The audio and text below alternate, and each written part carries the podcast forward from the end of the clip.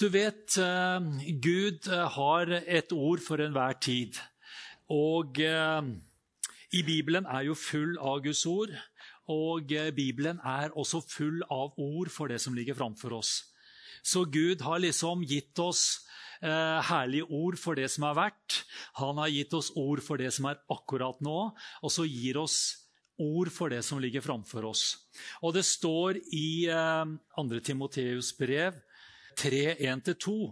Og, eh, og da snakker Gud om de siste dager. Og så, og så står det liksom ikke sånn eh, Det går bra, og det blir bedre og bedre. og, og, det går oppover. Han sier jo det også. Samtidig så er jo Gud bånn ærlig. Og han sier ikke ikke ting som kan virke skremmende på oss for å gjøre oss fryktsomme eller for å på en måte binde oss på noen måte. Men han sier det sånn at når ting skjer, så skal ikke vi bli forvirra. Vi skal forstå at når Gud har talt i sitt ord, så bare si OK, der er det.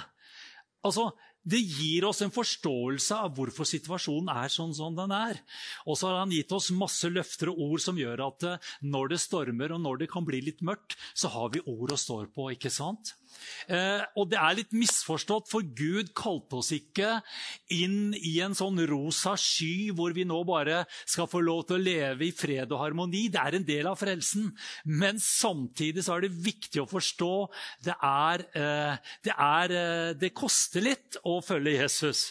Og så står det her i 2. Timoteus 3, 1, 2. Men vit dette at i siste dager skal det komme vanskelige tider. For da skal menneskene elske seg selv. Legg merke til det. De begynner å elske seg selv. Det har de gjort kanskje gjennom alle tider, men spesielt i de siste tider skal de gjøre det. Elske penger, skryte, være stolte, spotte. De skal være ulydige mot foreldre. Eh, men vet du hva? Det er på en måte Gud sier. Vær klar over tidsånden. Vær klar over det som skjer, det har jeg allerede forutsagt, så vi kan slappe av. Gud har talt om det. Og så står det også at i de siste dager skal folk være utakknemlige og vanhellige. Jippi! Det som jeg skal selvfølgelig ta kanskje litt med ekstra tak i, det er jo i takknemlighet. Eh, og Når vi leser dette, her, så skjønner vi det at Takknemlighet er ingen selvfølge. Det er heller det motsatte. Folk blir utakknemlige. Kanskje mer av det at man skulle være takknemlige, så blir menneskenes motsvar utakknemlighet. Fordi at eh, det som Altså, vi lever i 2023. Vi lever i Norge, vi lever i en eh, boble her. Vi er, det er så mye å være takknemlige for. Allikevel, hvis du går inn på sosiale medier Du kan gå inn på Twitter, f.eks. Der, der, møter du ikke mye bra. Der er, alle er utakknemlige og sinte og, og grinete for et eller annet. Og det er bare noe som ligger i mennesket. Uansett hva som skjer og ikke skjer, så er det gjensvaret utakknemlighet. Og da har Gud et mottrekk mot det. Amen.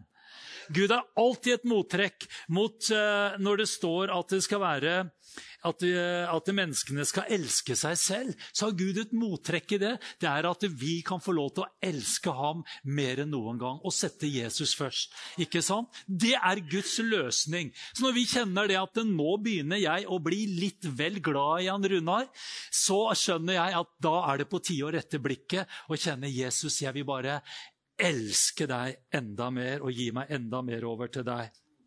Og Når det står om utakknemlighet, så kjenner jeg vet du hva, da vil jeg bevisstgjøre meg det, at det Gud har som mottrekk for det, det er takknemlighet. Amen. For det står jo det i Kolossebrevet at vi skal være rike på takk. Det er Guds motsvar òg, ikke sant? Utakknemlighet. Hva er det han gjør med sitt folk? Han gjør oss rike på takk. Amen. Det er noe overnaturlig som skjer. Det er ikke bare det at du blir allment litt mer positiv, men det å leve med Jesus, det å fylle seg med Hans ord, det gjør at vi blir rike på takk. Og hva er det verden møter da? Et annerledes folk! Come on! De går der og bare er allment utakknemlige, sure og deprimerte. Og så møter de deg, og hva er det du er? Du er rik på takk! Det er ikke bare at du er takknemlig, men du er rik på det. Og det er noe som vekker vekker noe i menneskene. De bare opplever De kan jo bruke ord som han Runar. vet du, Han er jo så positiv. vet du. Han er jo han er en gladkristen eller et eller annet sånt. Noe. Sannheten er at jeg er ikke noe forskjell fra noen annen. Jeg har blitt rik på takk. Amen. Oh, glory Jesus. Og da står det i hverdagsbibelen, hør nå Jeg må lese fra deg, for det er så fint. Kolossebrevet 2, 6, 7. Slik dere tok imot Jesus og gjorde ham til herre i livet, slik må dere fortsette å leve. Det er bra. La troen deres vokse og ta imot styrke og kraft ifra Jesus. La troen bli et stabilt fundament i livet. Akkurat slik som dere har fått opplæring om. Og så kommer det. Hør nå. Gleden i troen. Er det noen som ønsker glede i troen? Du vet at det, Troen er ikke en sånn der statisk liksom bare, liksom, Det blir veldig alvorlig når vi snakker om tro. Det er liksom tro, ikke sånn? Men det skal være en glede i troen. Du skal være glad i troen. Hør hva Bibelen sier. Han sier gleden i troen blir sterkere. Er det noen som ønsker en sterkere glede? Ja, så står det hvis dere stadig takker Gud for den. Hvordan bli glade i troen? Bare begynn mer å takke Gud for troen. Når du begynner å takke Gud for troen, vet du hva som skjer? Du blir enda gladere. Amen! Så mer vi takker Gud Å, takk Gud, for du har gitt meg en enkel tro, om det er som et sennepsfrø. Jeg bare takker deg for den troen som du har planta i mitt hjerte. Det er en gave fra deg, Gud. Begynn å takke for troen, så kommer gleden. Hvorfor gjør du det? Fordi Guds ord sier det. Mer du blir observant og takker Gud for troen, så følger det med en glede. Og er det noe verden trenger, er det noe vi trenger når vi leser om hva som skjer i de siste dager og i de siste tider? Vi trenger å være glade, dere. For det blir vanskelige tider. Hvordan møter vi det? Gjennom at vi liksom bare kjenner å, det er grusomt, det er blitt forferdelig. Åssen skal det ende? Liksom, det blir bare verre og verre. Hva er vårt motsvar? Det er å bare kjenne takk, Gud! For at midt i alt dette så har du gitt meg en tro på Jesus Kristus. Jeg takker deg for den troen. Den bærer igjennom. Og så kjenner du det. Ikke bare at du liksom går der liksom, og kjemper med dem. Du kjenner du blir forløst i glede. Amen. Takknemlighet forløser hjertets glede. Å, takk, Jesus, for at det er sånn. Ja, jeg har lyst til å komme inn det jeg snakka om, om takknemligheten for alt det Gud har gjort. Vi har snakka om og prekt om takknemligheten på tross av alt som skjer i våre liv, ikke sant? når vi vandrer i dødsskyggens dal osv. Vi har snakka om alle de tinga der. Og hvor sterkt det er når eh, alle våre fiender leirer seg rundt oss. Så kan vi også komme inn der og begynne å takke Gud for at han gir oss seier. Amen. Midt i vanskelighetene. Kjempetøft. Men vi kan begynne å løfte vårt blikk og si takk, Herre, for du er en trofast Gud. Din kjepp og din stav de bare fører meg gjennom enhver dal i Jesu navn. Men så fant jeg et nivå til, for å si det sånn. En, en plass der hvor jeg ikke har vært så veldig mye innom. Eh, fordi at det er en pris å betale. Det er altså vi, når, når, Gud snakker om at i, i, i, de siste tider skal det bli vanskelige tider, så sier han det for at de, vi frelste ikke skal bli forvirra og tenke hva skjedde hvis det står at vi skal gå fra herlighet til herlighet. Amen! Men det som er rundt oss, det som kanskje kan også forsøke å komme i oss, det blir kanskje mørkere og vanskeligere. Gud har alltid et motsvar. Amen. Men uh, hadde jeg annonsert at eh, vi skal snakke litt om din troendes lidelser, så er det ikke sikkert så veldig Da hadde jeg kanskje mista halvparten av dere allerede. Men det som er sannheten og fakta, det er at vi må snakke om at i de, i de siste dager så vil det bli vanskelige tider. Det vil si at det blir, blir en smerte av å, å, å ha Jesus først i sitt liv. Og det må vi bare være klar over. At det fins en fight om det å bare sette Jesus først. Eh, og Derfor så er det mange kristne som blir forvirra, fordi de er opptatt av å, jeg må ha fred, jeg må ha ro, det må være stille, jeg må ha det godt, jeg må kjenne kjærlighet. Må, altså, vi blir så opptatt av hva vi kjenner og føler, at enhver smerte som kommer, det bare Å, det var djevelen. Nei, det er ikke alltid det er djevelen, skjønner du. Det kan være ditt kjøtt og din, eh, ditt selvliv og din egoisme som bare prøver å komme løs og bare kjenne Jeg vil kjenne godt. Og jeg vil bare få sånne grøsninger og frysninger og prise Jesus og flyte med elva, liksom. Det er herlig, og det skal vi være takknemlige for. Men jeg kan love deg en ting. Det er at det virkelig å følge Jesus, så kan det være, eh, kan det være litt tøffe ting man møter på. Og så er det spørsmålet som du står Menneskene elsker seg selv. Og det, mange, det, det er det største problemet vi har. Vet du hva det er? Det er egoisme og selvsentrerthet. Det stjeler veldig mye, for å si det sånn. Det det, jeg tror det kommer en preken om det. Eh, det å på en måte sette seg sjøl i sentrum, det er noe av det tøffeste som Altså, Der står det en kamp, altså. Det skal jeg love dere. Jeg bare kjenner det i mitt eget liv. Det er når han Runar må abdisere. og det er liksom ikke å gjøre Jesus til konge én gang. Jeg bare proklamerer deg som herre i mitt liv. Jeg blir frelst. Halleluja.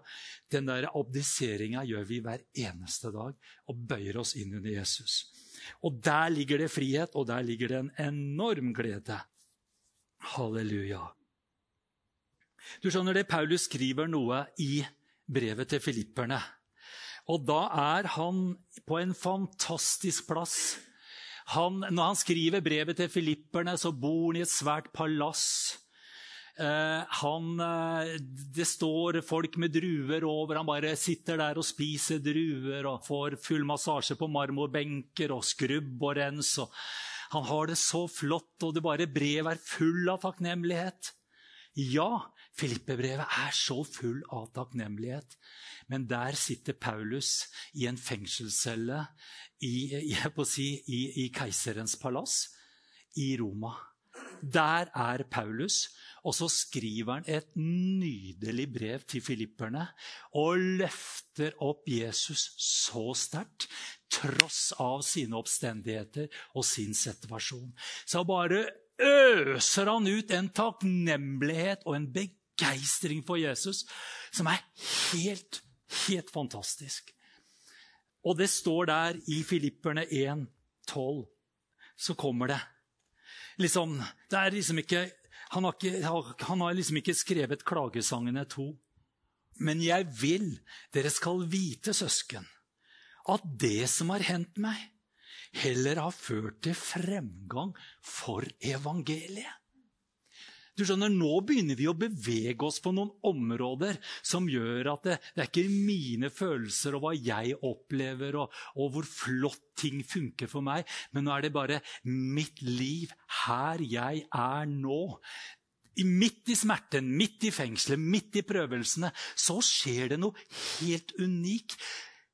Evangeliet har fremgang. Og ordet fremgang det fant jeg i studiebibelen. Jeg synes det var så nydelig. Da står det fremgang brukes om en person som kutter grener for å lage en sti i tett skog. Amen.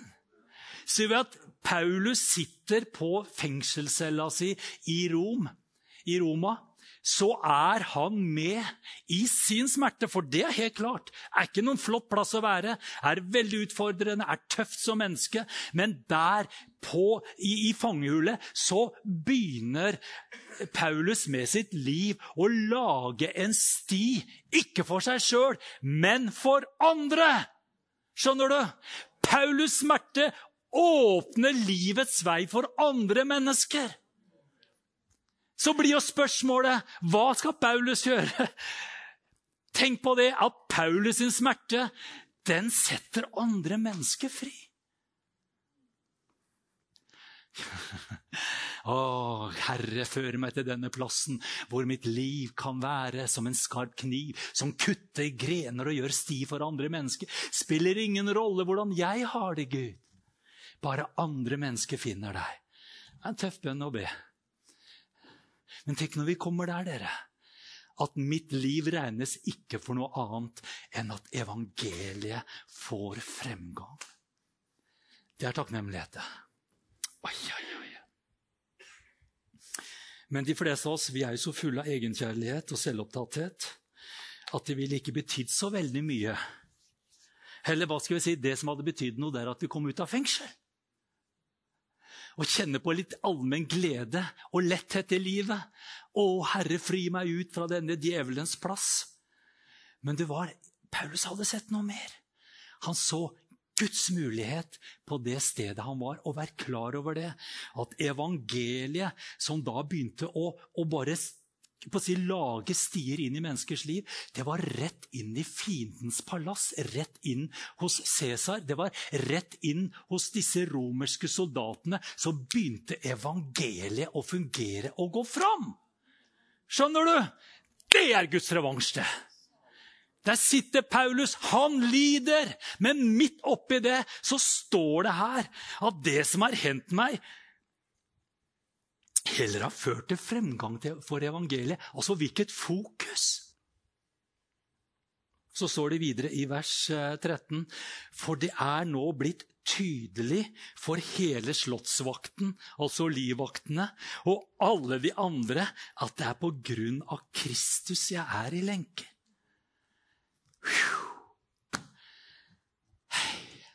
Jeg har ikke kommet dit.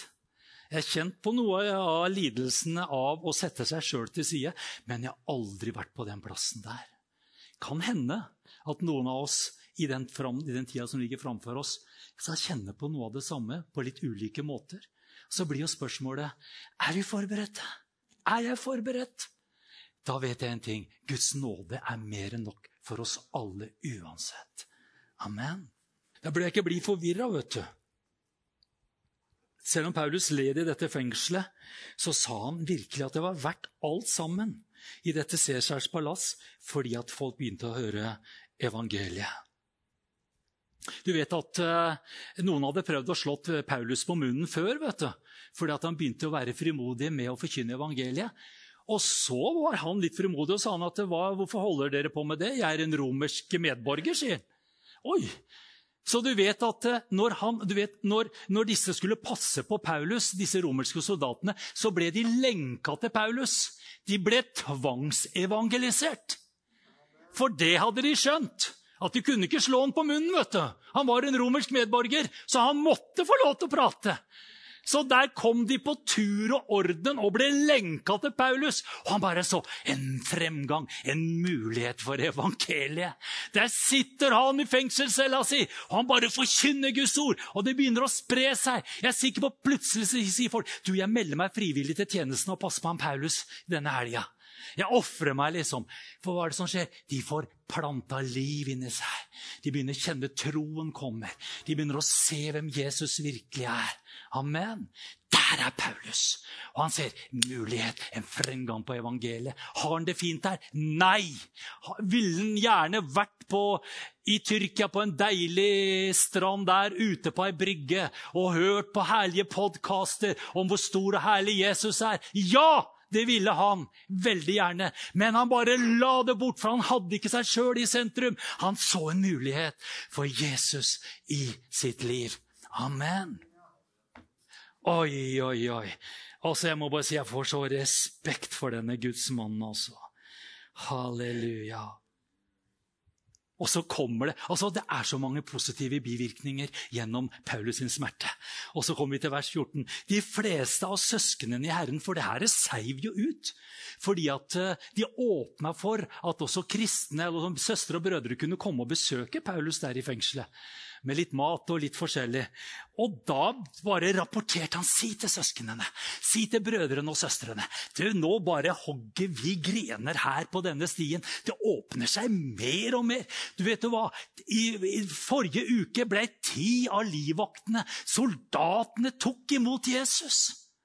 Og de bare kjenner det. Men Paulus, du sitter i lenker. Det er jo fortvilelse, det er jo frykt. Og så står det det at de fleste av søsknene i Herren er blitt så fortrolig med lenkene mine. De har rett og slett vent seg til det.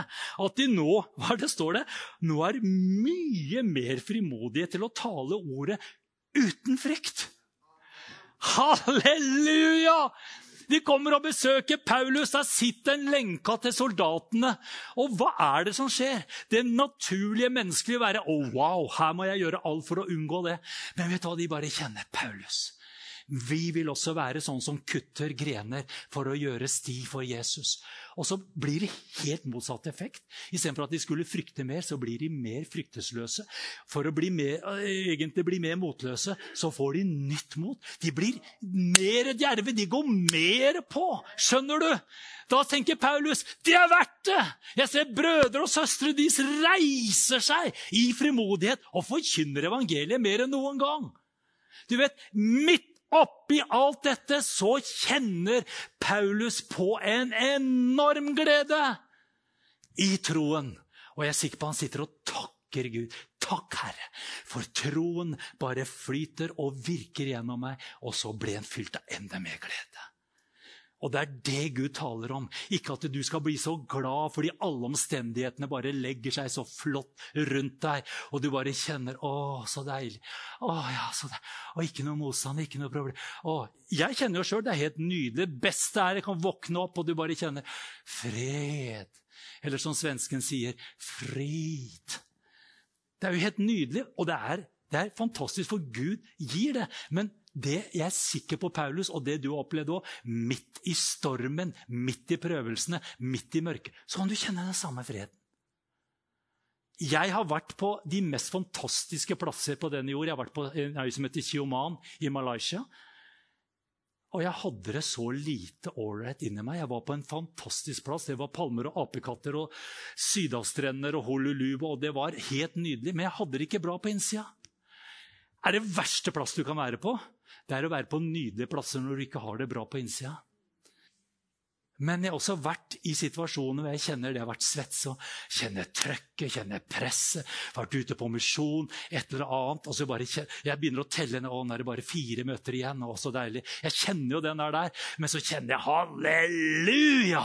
Jeg er ikke noe annet sted jeg ville vært i hele mitt liv. Det er helt kalabalik rundt omkring. Men jeg kjenner her inne glory Jesus! Jeg bare lever mer enn noen gang. Å, jeg bare kjenner så fred. Jeg bare kjenner Jesus, du er nær. Å, det bare flyter! Og jeg går ut av det møtet og så bare kjenner jeg Å, kjære Gud, jeg bare gruer meg til neste møte. Kommer inn der, så bare kjenner jeg Så begynner du å kutte disse grenene. Ikke for deg sjøl, men for andre mennesker. Du skjønner, Det å stå i det trøkket der, det er da du kommer hjem, og du kjenner du er sliten, og du er svett, og du har eh, Ja, jeg har gått ned noen kilo, det er bare positivt for de aller fleste, men du bare kommer der, og så og så bare setter du den og tenker Jesus, det har vært alt. Og det er jeg sikker på Paulus satt der inne i fengselscella. Det var ikke så mye lys, det var ikke så mye god mat. det var ikke noe, Men han bare la seg på kvelden og sa Jesus, det har vært alt. Og var det da han kjente dette? Var det gode følelser og alt mulig? Nei, han så hva Jesus gjorde i andre menneskers liv. Og så hadde han tilfredsstillelsen der. Det er noe helt annet. Amen. Noen forkynner riktignok Kristus av misunnelse og stridslyst, men andre ut ifra god vilje. Tenk på det. Jeg synes Det er bare, altså det jeg alltid syns har vært helt fascinerende å lese. Jeg hadde jo bare kjent med en gang, Vi hadde kjørt et eller annet kampanje mot å bare få stoppa de folka som driver der på og, og kjører på med, med, kampanjer og full pakke, og så er det bare eh, egennytte og ikke et oppriktig sinn. ikke sant?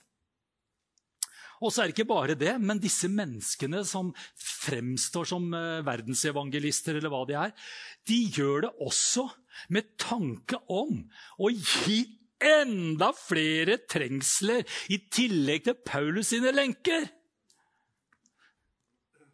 Så kommer det i vers 17. Men de sistnevnte, altså de som forkynner ut fra god vilje, gjør det ut fra kjærlighet, for de vet at jeg er utvalgt til å forsvare evangeliet. Og så har jeg tatt det siste verset, vers 18 med den NIV, engelsk oversettelse. Så står det Men så sier, sier Paulus hør på, den, hør på, den, konklusjonen han kommer med her. Hva så, sier han. Eller, men hva betyr det? Hva betyr det? Det viktige er at Kristus blir forkynt på alle måter. Altså, er ikke mye kresen, altså. Enten det er av falske motiver eller sanne. Og så kommer den derre setningen som, som jeg bare løfter opp i dag. Og så står det 'Og på grunn av dette'. Og på grunn av dette takker og gleder jeg meg. Ja, og jeg vil fortsette å glede meg. Er det mulig? Og så er det mulig. Og på grunn av dette takker og gleder jeg meg. Og ja, jeg vil fortsatt fortsette å glede meg. Altså på grunn av smerten, på grunn av motstanden, på grunn av alt dette. På grunn av! Vi, snakket, vi, vi takker Gud for, og vi har snakka om å takke Gud på tross av. Men nå her kommer Paulus på et nytt nivå. Vi, han takker på grunn av! På grunn av at han sitter i et fengsel, så får han muligheten til å spre evangeliet rett inn i fiendens leir. Han er takknemlig på grunn av.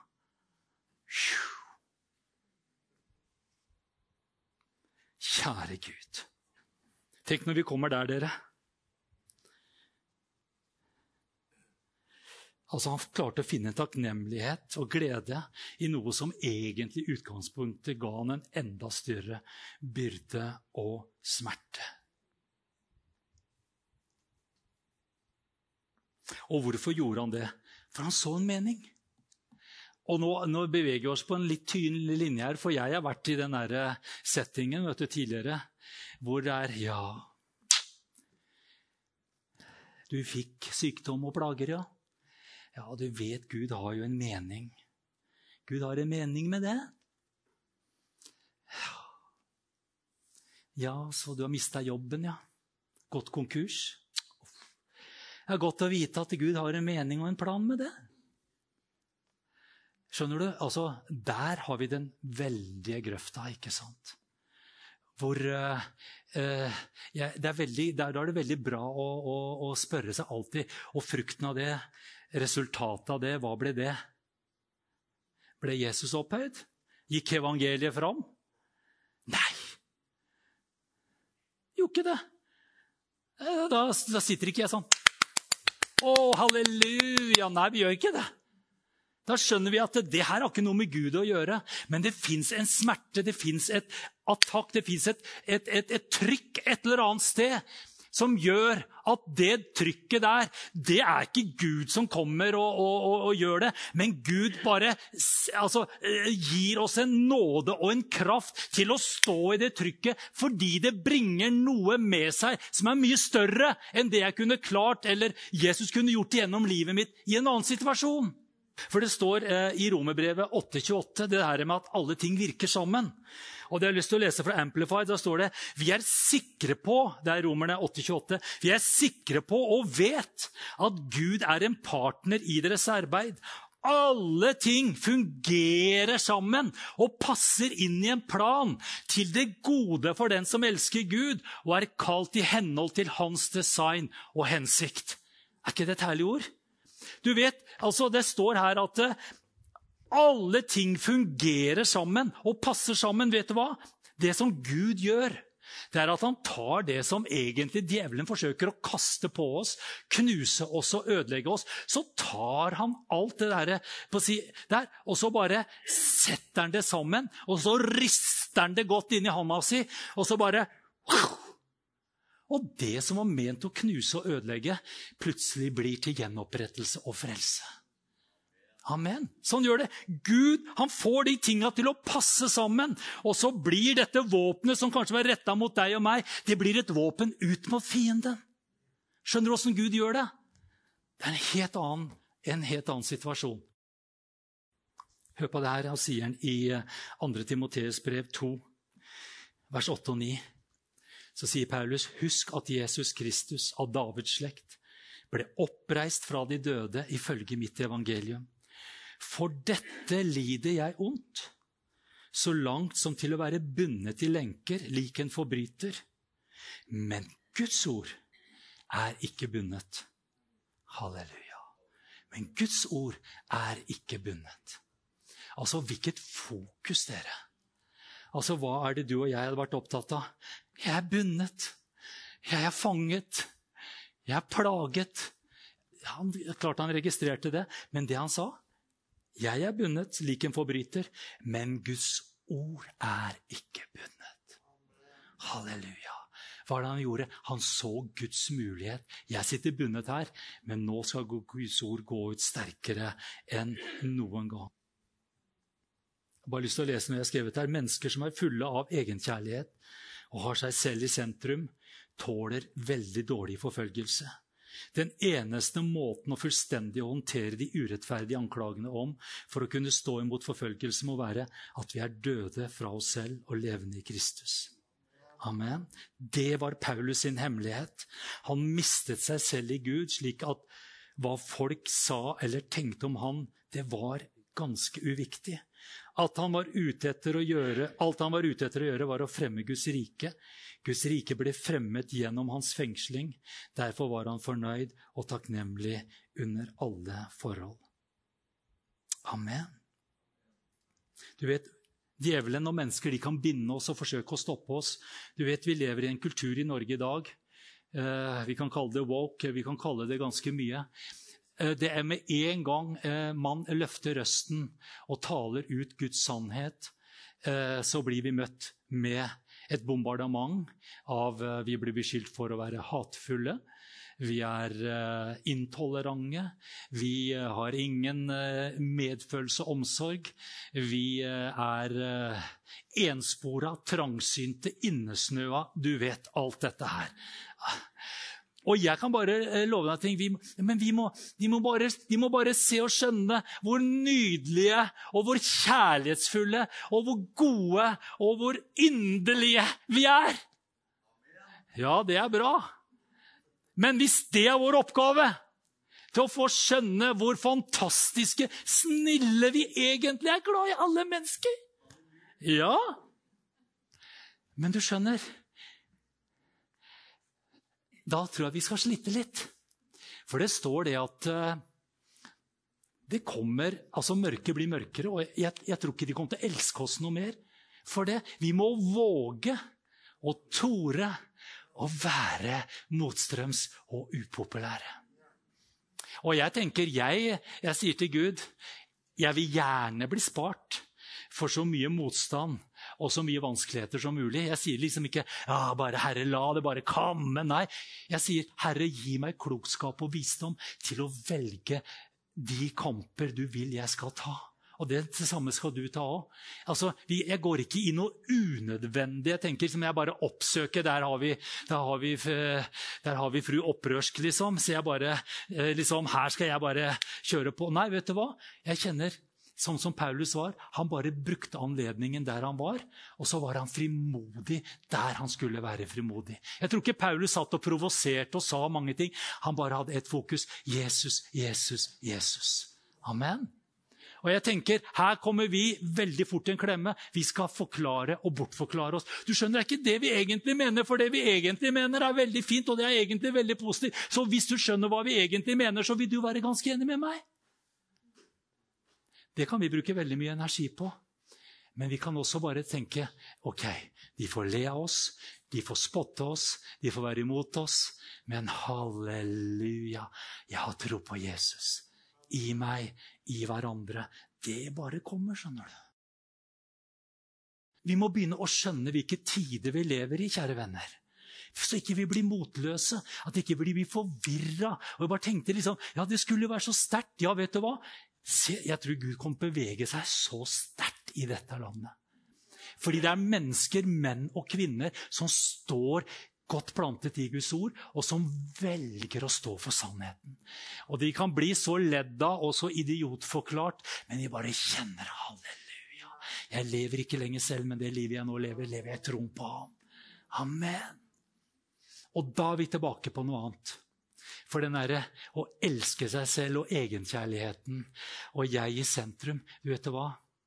Da er det veldig mange ting som vi blir støtt av i dag som jeg tror bare preller av oss der framme. For da tenker vi ja, den hilste ikke på meg, og den så litt rart på meg. Og, og jeg var, når den personen sa det, så kjente jeg at det var til et angrep på meg. og Jeg vet ikke om jeg klarer nesten å tilgi det der. der. Vet du hva? Du kommer til å bare Åh, åh takk Gud. Åh, jeg har vært mye irritert på deg, og det har vært mye gærent, men åh, takk Gud i himmelen. Jeg er så takknemlig for deg. Å, kjære Gud, altså. Vet du hva? Sånn, på å si, ikke mine ord, men sann Guds ord. Vi kommer til å bli så avhengige, og vi kommer til å elske hverandre. Fordi vi kommer til å kjenne vi trenger å stå sammen i denne tida. Bare kjenne skulder mot skulder. Ja, jeg syns noe av det du sier og gjør, jeg er så uenig, og det du sa til meg, det såra meg så dypt! Ja, mindre du elsker deg sjøl, mindre kjenner du på det. Jeg bare, jeg bare snakker, Nå snakker jeg til meg sjøl. Jeg bare kjenner å, Jesus, du bare vet hvor grusomt det var for meg. Det, du vet, det er bare det er selvmedlidenhet og seg sjøl i sentrum. Og, vet, jeg elsker meg, jeg har jo så omsorg for han Runar, jeg elsker han så høyt. ikke sant? Så det blir jo så voldsomt. Når vi kan begynne å slippe det og begynne å se Jesus. Har det fremgang for evangeliet? Hva kan du gjøre i denne situasjonen? Hvilken revansj er det du kan ta? Amen. Det er helt annet, skjønner du. Å, da kan vi begynne å riste av oss det som var så forferdelig og så viktig. og bare kjenne Wow, det fins et annet liv for meg. Amen. Og da blir du så takknemlig for de menneskene som du syns har vært litt problematiske. Du bare takker Gud for de, også. Mm. Å, takk, Jesus. Da kan jeg avslutte med dette her. Derfor holder jeg ut alle ting, sier Paulus i 2. Timoteus 2,10. Derfor holder jeg ut alle ting for de utvalgtes skyld, så de også kan få frelsen som er i Kristus Jesus, med evig herlighet. Hør på det. Altså, han utholder det så de også kan få frelsen. Han så noe her som også Jesus så når han skulle gå inn i Getsemane. Det står i Hebreerne 12,2. Mens vi ser på Jesus, troens opphavsmann og fullender. Og så kommer det på grunn av den gleden som var lagt foran ham. Han så det, skjønner du. Så på grunn av den gleden så utholdt han lidelsen på korset. Aktet ikke på skammen og har nå satt seg ved, ved høyre side av Guds trone. Vet du hva? Han så forbi seg sjøl. Når du og jeg kan begynne å se forbi oss sjøl, våre krenkelser og alt det greiene der, og begynne å se noe Åh, Jeg kjenner jeg preker så til meg sjøl i kveld. altså. Om vi kan begynne å ha det blikket der, vet du, da blir alt det andre så lite viktig. Og Jeg skal avslutte nå, lover jeg. Men hør på, jeg leser for Amplified. Moses hadde noe av det samme. Der står det om Moses. Han var jo der og kunne leve i sus og dus og bare nyte livet under palmer og tjenere og alt som var. Men så står det der fordi han foretrakk å dele undertrykkelsen, altså lide vanskelighetene og bære Guds folks skam. Det er eh, i Hebreerne 11,25. Og å bære Guds folks skam fremfor å ha den flyktige gleden av et syndig liv. Så står det han anså forakten og misbruket og skammen båret for Kristus Messias som skulle komme, for å være en større rikdom enn alle Egypts skatter, for han så frem og bort til belønningen. Amen. Hvis ikke du og jeg ser belønningen, hvis ikke vi ser at dette har noe med en pris som er så mye høyere enn meg og mitt Om ikke vi ser, for det står om kompensasjonen, vet du hva? Gud kompenserer alltid. Alltid! Du går aldri, aldri fattigere ut med Gud. Du går alltid rikere, for han kompenserer bestandig. For det står at han kommer aldri til å stå i gjensvar eller be deg og meg om unnskyldning for noen ting og si ja, nei, jeg klarte ikke å stille opp med det, eller jeg klarte ikke å kompensere det. Han kommer aldri til å måtte be deg og meg om tilgivelse. Han sa at 'min nåde er nok', 'min kraft fullendes svakhet'. 'Jeg er mer enn nok for deg'. Skal vi frykte for det som ligger foran? Nei, langt derifra. Jeg tror at vi kommer til å leve mer tilfredsstilte liv fordi vi glemmer oss sjøl. Og vi bare kjenner det fins noe å rette blikket mot som er mer verdt enn at jeg skal leve bekvemmelig. Mer enn at jeg skal bare ha gode følelser og fryse på ryggen og gå på, gå på gode møter og oppleve noe sjøl. Nei, jeg vil være en som kutter grener og rydder stier, slik at evangeliet kan få fremgang. Halleluja.